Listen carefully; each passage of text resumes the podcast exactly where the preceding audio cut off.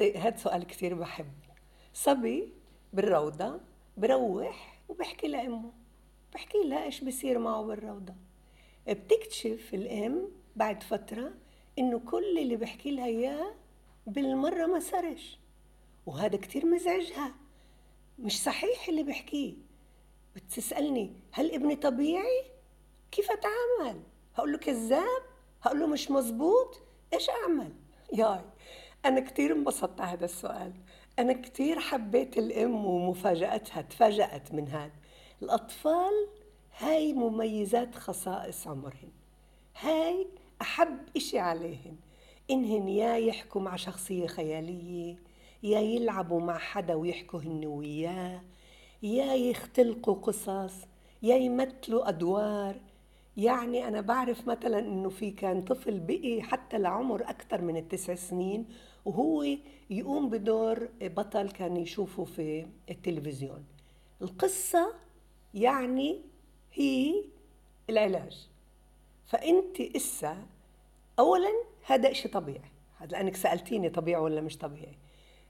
تستهجني وتقولي له لا مش هيك بيعمل؟ لا لا لا. بدك إنه يوقف هذا حاب إنه يبطل هالقد خياله واسع ويختلق أحداث صارت معه إيه، ما تعريها أهمية ما تهتمي فيها. يعني كأنك ما سمعتيش. بس بنفس الوقت هذا رح يأذيه لأنه ياي أنا بختلق قاعد روايات ومسرحيات وقصص والماما مش عم تتجاوب. آه الماما بدها تتجاوب. بدها تاخذ قصة وأنا عندي تطبيق كشكش وأنا عم بقوله لأنه طلع جديد وكل الوقت أنتم عم تسألوا وين هذا كشكش؟ وين هاي القصص؟ إسا صار عندكم تطبيق بتقدر تحصل على قصص وبصوتي كمان. أي قصة بتختاريها أنت؟ فوتي على التطبيق وعندك مجموعة من القصص. اختاري واحدة من القصص خليه يحبها تسردي له إياها ويحبها وأكيد رح يحبها لأنه كشكش بيشبه الأولاد.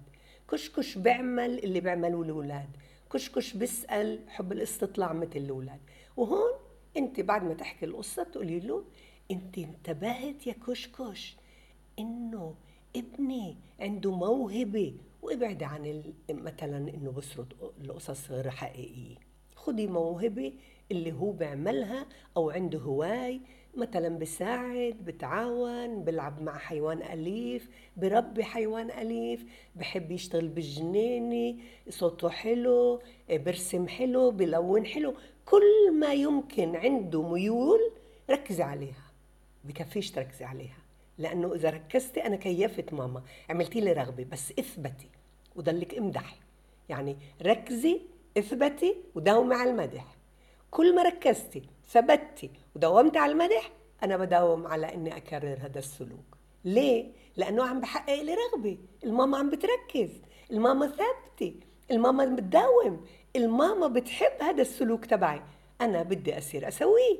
وكيف؟ بالتفوق على البطل. التركيز بالتفوق على البطل. يعني بدك تحكي خلي إحنا بدناش نخلي اخوه يغار. بدناش نخلي ابن صفو يغار بدناش نخلي صاحبه يغار. إحنا بدنا كشكش يغار كشكش بالقصة خيالي. فكشكش انت سمعت انت شفت انت حسيت لمست انت شميت انت دقت كل ما بيعمله ابنك. وتفوقي عليه. تعلم منه. ويوم ورا يوم تركيزك صار أكثر على سلوك مستحب وجهلتي نقل الأحداث اللي مش طبيعية. بس ما تخاف الأحداث اللي مش واقعية متأسفة. ما تخافي من هذا لأنه ابنك طبيعي ابنك عايش وعايش وعلى عرشه بين الواقع والخيال الواسع.